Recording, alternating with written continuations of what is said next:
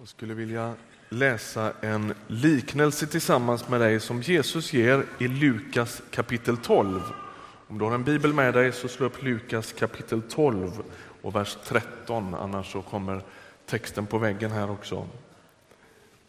Någon i, ropen, någon i hopen sa till honom, Mästare, säg åt min bror att dela arvet med mig. Han svarade, Vem har satt mig till att döma eller skifta mellan er? Han sa till dem, akta er för allt habegär. En människas liv består inte av överflöd på ägodelar. Sen gav han dem en liknelse. En rik man hade fått god skörd på sina jordar. Han tänkte för sig själv, vad ska jag göra? Jag har inte plats för hela skörden. Han sa, så här ska jag göra. Jag river mina lador och bygger större så att jag får rum med säden och allt annat jag äger. Sedan kan jag säga till mig själv, nu min vän är du väl försörjd för många år framåt. Du kan vila ut, ät, drick och roa dig. Men Gud sa till honom, din dåre, i natt ska ditt liv tas ifrån dig och allt du har lagt på hög, vem ska få det? Så går det för den som samlar skatter åt sig själv men inte är rik inför Gud. Vi ber. Herre, tala med oss nu. Öppna ditt ord för oss och öppna oss för ditt ord. Amen. Jesus talar mycket om pengar. Det lär vara så att förutom termen Gudsriket eller himmelriket som återkommer ständigt i Jesu undervisning så är pengar ett av de absolut liksom, tydligaste teman som Jesus återvänder till, ett av hans absoluta favoritämnen. Och I den här liknelsen så, så säger Jesus någonting om vårt habegär. Och jag skulle vilja hänga upp den här predikan på några frågor. Den första är den här. Vilket är den här mannens egentliga problem? Allt pekar ju på att den här bonden var en ärlig människa. Jesus målar ju inte ut någon skurk som lurar folk och, och, och liksom inte gör rätt för sig eller fifflar med skatten eller, eller blåser folk och inte betalar sina räkningar. Utan det verkar vara en nitisk, flitig man. Han är duktig, han är förutseende, vi skulle säga att han är ganska föredömlig. Men Jesus han kallar honom för dåraktig. Varför gör han det? Alltså, om du läser den här berättelsen lite noga så slås man av en sak och det är att den här mannen är så ensam. Han sitter i sitt hus och räknar sina pengar. Men den han pratar med är sig själv. Ser du det? Egentligen målar Jesus upp en ganska dyster bild av den här bonden. Han ställer frågorna till sig själv. Han får råden av sig själv. Han får berömmet av sig själv och han festar själv. Det som vid första anblick verkar vara en ganska framgångsrik människa, så när man skrapar lite så märker man att det här är ju en djupt ensam person. Han har sina lador och han bygger ut och han satsar och det finns något liksom lite entreprenörskap runt honom såklart. Va? Men han är så själv. Det är som om Jesus tecknar en människa som helt och hållet levt för sig själv. Och Den fråga som Gud ställer till honom när han säger du dåre, i natt ska du dö, det är inte hur mycket eller vad, utan det är vem? Det är som att han pekar på vad har hänt med dina relationer? Domen över den här mannens liv det är att han har levt ett meningslöst liv som inte har satt några som helst avtryck någon annanstans än i honom själv. Det är en ganska dyster historia, måste man ju säga. Och då är frågan, vad, vad, betyder den här berättelsen egentligen? Fråga två då, hur ska vi se på rikedom? Är den farlig? En del av det jag säger idag har du hört tidigare, men jag är frimodig och, och, och tycker att det kan vi nog behöva lite både nu och då. Det är inte så att vi får en reklam, ett reklamutskick i brevlådan om året, utan det kommer ju rätt så överväldigande budskap. Så jag känner mig frimodig. När Jesus talar om pengar, då ger han dem ett namn. Han kallar dem för mammon. Det är som om Jesus personifierar pengarna. De får ett avgudanamn därför att de äger en avguds egenskaper. Och, och Jesus han är ganska tydlig, han säger pengar är inte neutrala. Utan mammon är en makt som söker dominera våra liv. Och när han ger pengarna den här avgudanamnet så är det för att pengarna har alla de egenskaper som en avgud har. De, pengarna har gudomliga egenskaper. De ger trygghet, de kan skapa skuldkänslor, de kan ge kraft åt en människa, de finns överallt och framförallt så kräver de all makt. Precis som Gud gör.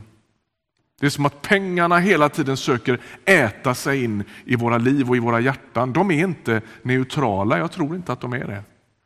Och Jesus han beskriver dem som en sorts avgud, en kraft, en makt att förhålla sig till. Faktum är att Bibelns varningar handlar mer om rikedom än om fattigdom. Det är som om rikedomen faktiskt utgör ett, ett hot mot vårt andliga liv i större utsträckning än vad fattigdomen gör.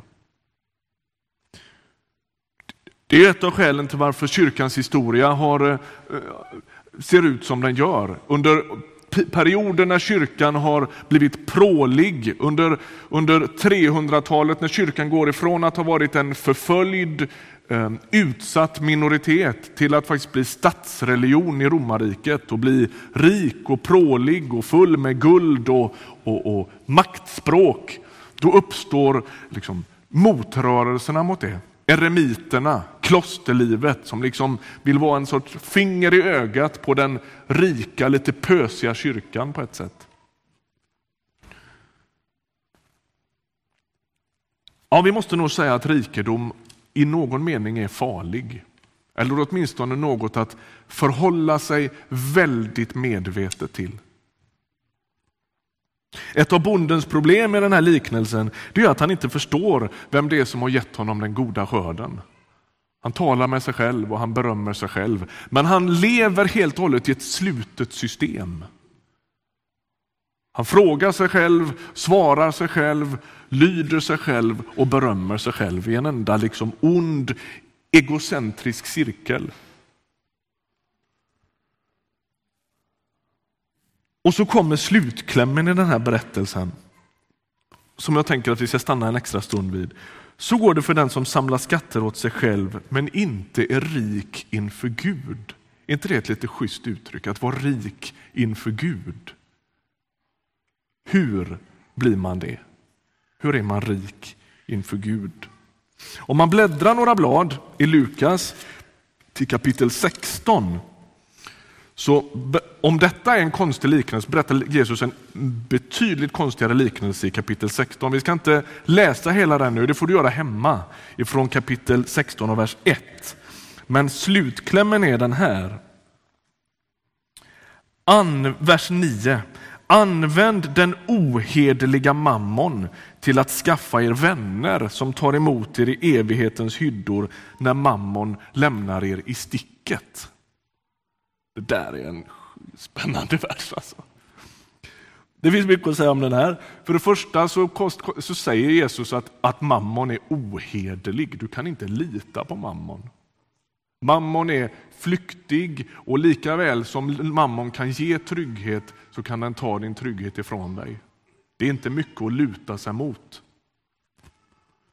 Och han säger inte om mammon lämnar dig i sticket, utan när. Det är inte mycket att bygga sin tillvaro på.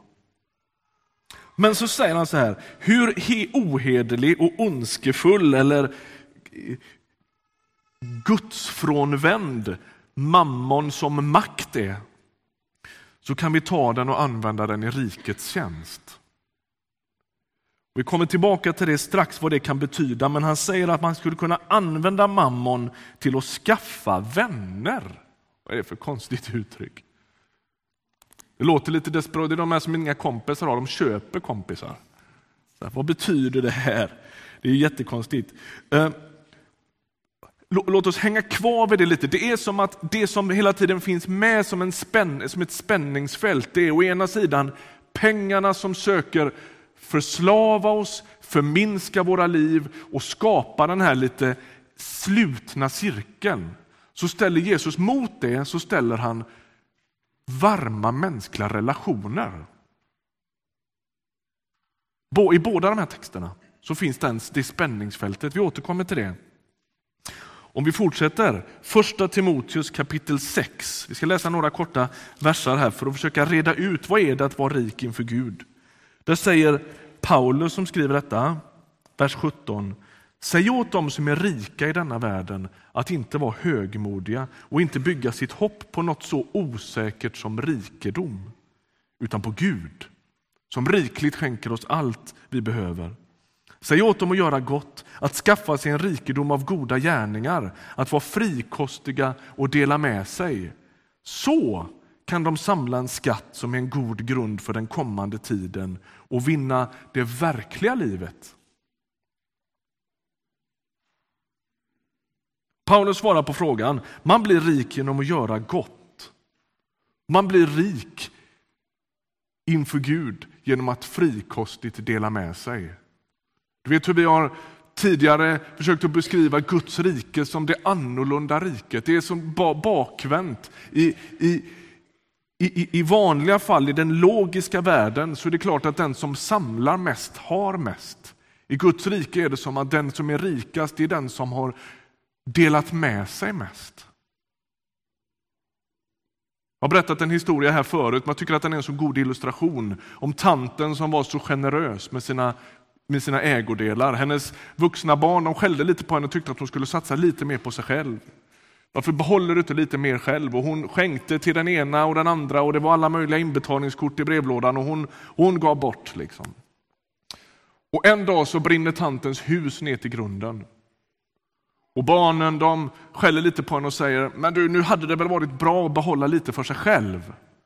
Varpå tanten säger, ni begriper ju ingenting. Det enda som finns kvar, det är ju det jag gav bort.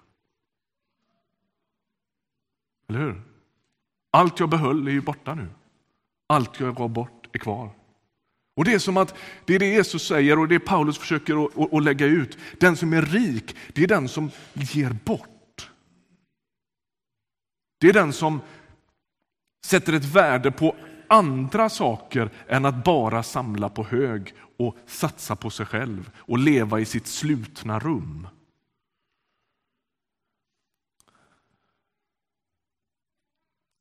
Om man återvänder till, text, till, till sammanhanget vi fanns i, Lukas 12, så handlar hela kapitlet om eller det, han återkommer liksom ständigt till det här. Han pratar om att inte göra sig bekymmer för sina, liksom, vad man ska klä sig med och så vidare. Och så landar han så småningom, Jesus, i, i att säga så här. Vers 33 i Lukas 12. Sälj vad ni äger och ge åt de fattiga. Skaffa er en penningpung som inte slits ut, en outtömlig skatt i himlen, dit ingen tjuv kan nå och där ingen mal förstör. Ty där er skatt är, där kommer också ert hjärta att vara. Varför ska man samla skatter i himlen? Innan vi grunnar på hur det går till vidare. Ja, för det första verkar det som att de varar bättre. Nya testamentet återkommer hela tiden till att det är osäkert att bygga på materiell, materiellt överflöd och materiell rikedom. Det är en, det är en högst osäker satsning. Tidigare läste vi från första Timoteus, bygg inte på något så osäkert som rikedom utan sök vinna det verkliga livet. Jag tänker att det där är viktigt att få säga in i våran tid och i våran västerländska övermaterialistiska kultur. Det är osäkert med rikedom och det är inte det verkliga livet. För det andra så verkar det som att när man samlar skatter i himlen så binder det våra känslor och hela vår varelse vid Gud. Och Det är därför han kan säga, där er skatt är kommer också ert hjärta att vara.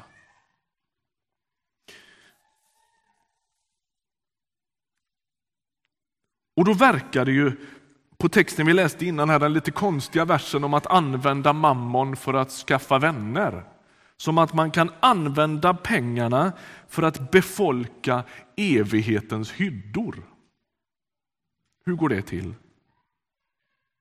Ja, men det är som att det som det lockas med i Nya testamentet är att satsa våra resurser där avkastningen är som störst, nämligen i Guds rike där Guds rike får påverka. Det som vi hörde Ove och Effa prata om innan. här. Va? Alltså, vad, vad, kan hända i en, i en utsatt folkgrupp på Filippinerna? Vad kan hända i ett församlingsplanteringsprojekt i, i, i, i Bangladesh? Det är som att det Paulus försöker säga är satsa din, din, dina resurser där, där det har något större värde än bara för din egna hem, hemmasfär. Livets djupaste mening är inte fondtapeter, rostfria kylskåp och nya fälgar till bilen. Det är inte det som är livets djupaste mening. Jag vet att det kommer som en chock för en del här inne, men det är faktiskt inte det.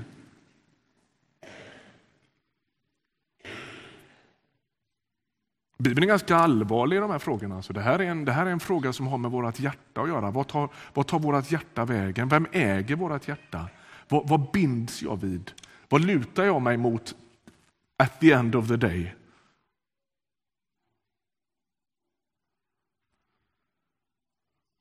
Mammon söker hela tiden ta Guds plats. Så är det. Det är bara att titta sig själv i spegeln. Det är bara att förstå hur man tänker, hur man resonerar, hur man drömmer, vad man gör när man är ledig vart man åker då.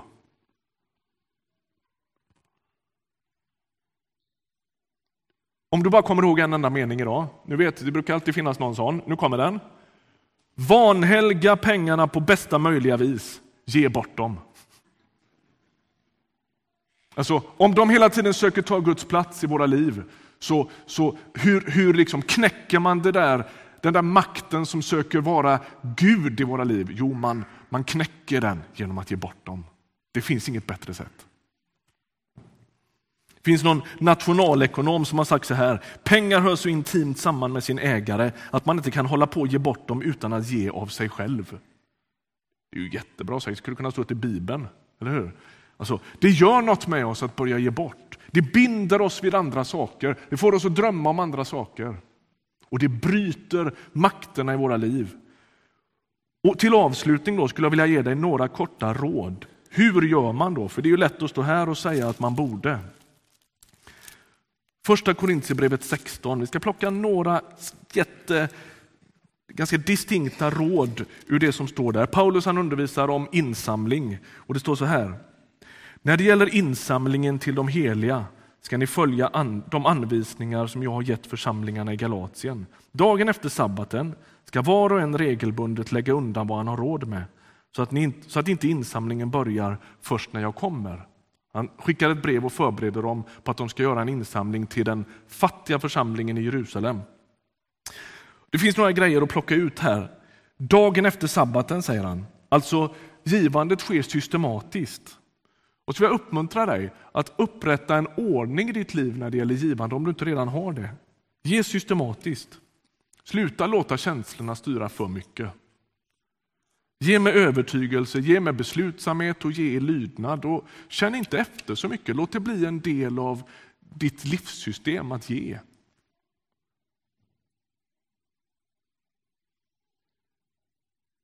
Ibland säger folk att ja, jag brinner mer för det ena eller det andra så jag ger dit. Jag satsar mina pengar på det som jag brinner mest för. Det är bra att du ger dina pengar, Gud välsigne dig i det, men det är lite tveksamt.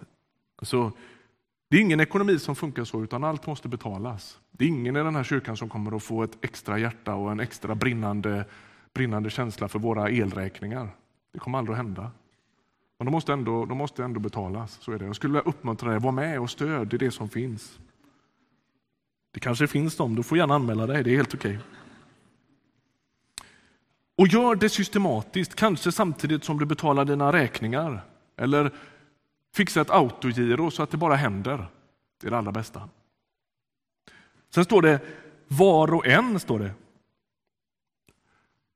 Och Ibland kan jag drömma om, tänk vad som skulle hända i en kyrka som våran om cirkeln med dem som troget är med och bär skulle vidgas lite grann. Tänk vad mycket missionärer vi skulle sända ut. Det skulle bli en revolution i Ryttargårdskyrkan och i svensk kristenhet om den cirkeln vidgades. Och då handlar det inte om att, om att du ska liksom hädanefter inte ska ha mat på bordet, utan om du systematiskt var med och gav ditt bidrag varje månad. Jag vet att många, många här gör det. Men om den cirkeln vidgades lite grann och började omfatta fler, ja, men det går inte att överblicka vad vi skulle kunna göra.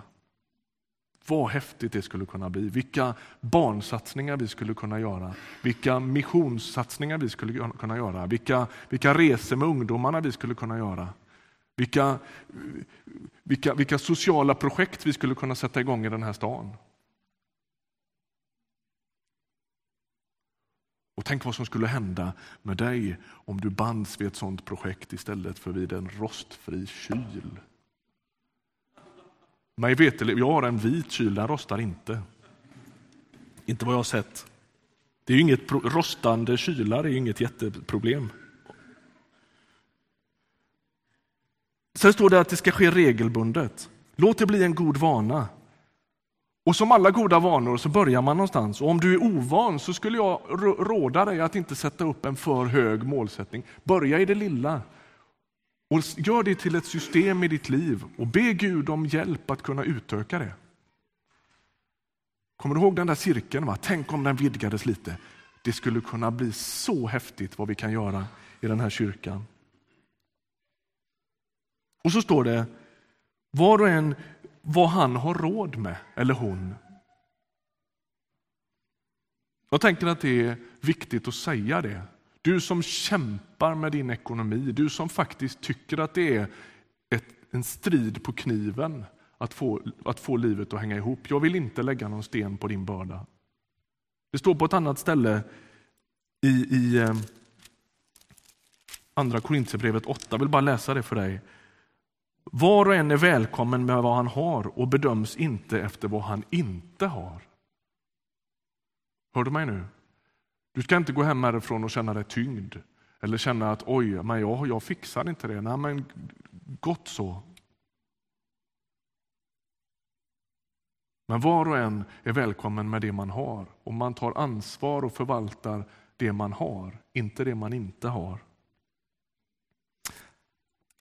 Avslutningsvis, här i kyrkan finns det alla möjligheter att vara med och odla detta. Vi tar upp en kollekt varje söndag. Det finns en kollektomat här ute där du kan dra ditt kort. Folk har ju liksom inga cash längre med sig, då gör du det där ute istället om du vill. Eh, det finns ett bankgironummer som står i vårt ryttarblad som finns här ute, står också på hemsidan. Och här ute kan du efteråt vara med och teckna ett autogiro, så behöver du inte grubbla så mycket över det där längre, då sköter det där sig självt. Det kommer att finnas de som hjälper dig efteråt här ute och teckna ett sånt eller visa dig hur, hur kollektomaten fungerar.